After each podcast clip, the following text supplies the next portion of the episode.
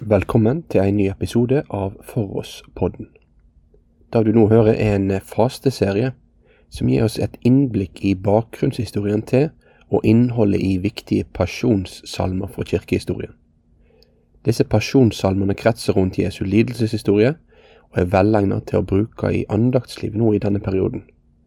Jeg håper du kommer til å sette pris på serien. Det er Egil Sjåstad som har forfatta og spilt inn disse betraktningene. I dag skal vi ta for oss en salme som har vært kjent og mye brukt, både i kirka og bedehus, gjennom lang, lang tid.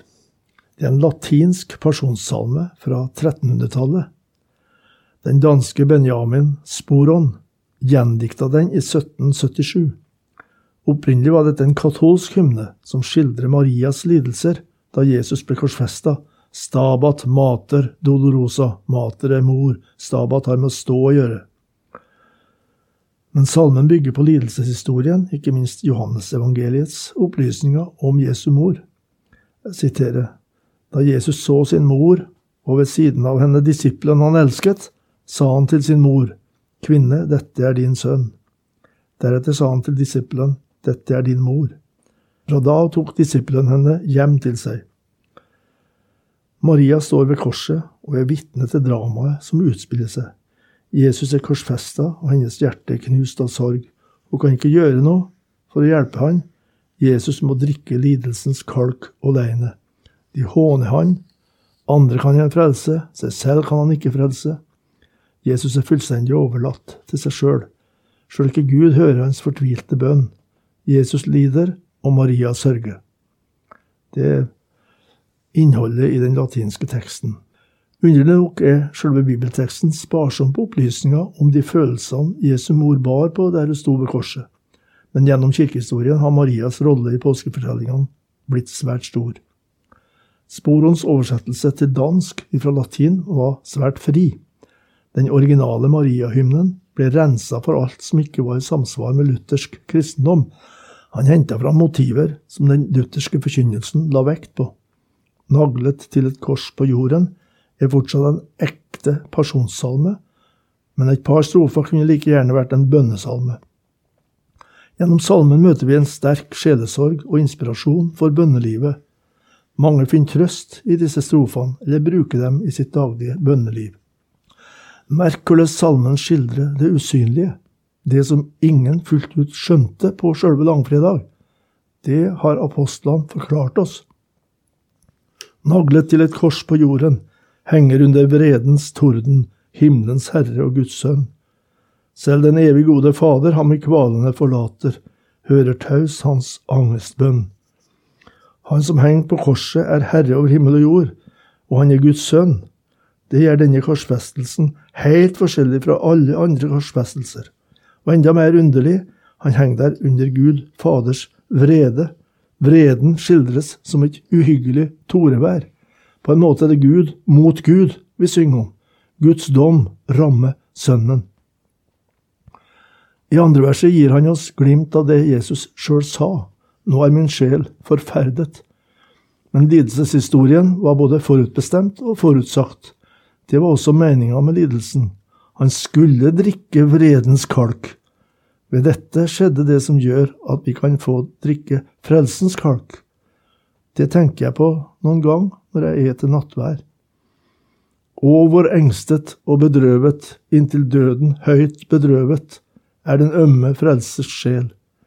Vredens fulle beger drikke må han, skal han, ellers ikke blir hans frelseskalk min del.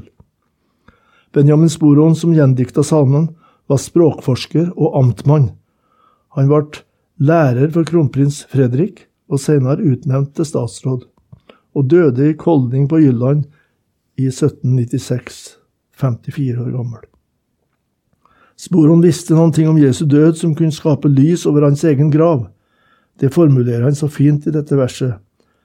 For all verdens syndebrøde ville verdens frelser bløde, tåle spott og sår og bånd og til sist all livets kilde senket hodet mens han stille segnet og oppga sin ånd.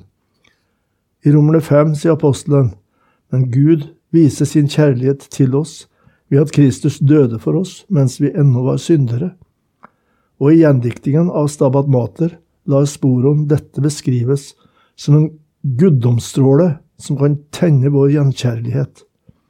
Gode frelser, kan jeg tåle kraften av en guddomsstråle, og så send den fra deg ned. Tenn meg at jeg må, jeg arme, full av ånd og hellig varme, kjenne all din kjærlighet. I min barndomshjem holdt far alltid husandakt hver søndag morgen, og i bønna etter andakten integrerte han ofte et salmevers. Slik har gode salmer vært en uvurderlig hjelp i troende menneskers bønneliv. Og ikke sjelden ba far dette verset ifra naglet til et kors på jorden. Og la aldri noensinne korsets tre meg gå av minne, som deg frelsens fyrste bar. Men la kors og død og smerte tale rope i mitt hjerte hva min frelse kostet tar. Det var på den måten jeg lærte dette verset utenat. Du som leser dette og hører dette, kjenner kanskje melodien til salmen. Da bør du unne deg den friheten og synge det siste verset, som vi vil sitere fra Pasjonssalmen. Det er et bønnevers, det også. Let det fram og syng det for deg sjøl. Ja, forsoner, la meg være ofret deg til takk og ære, helget ditt velbehag. Sonet ved den død du døde, skal jeg deg frimodig møte på den siste store dag. Takk for at du valgte å få med deg denne episoden av foross.no sin fasteserie. Ønsker du å være med å støtte og videreutvikle Foross sitt arbeid? Da er du hjertelig velkommen til å gi ei gave til arbeidet via VIPS. Da er nummeret 70929. Det var 70929. Måtte du ha en god dag videre.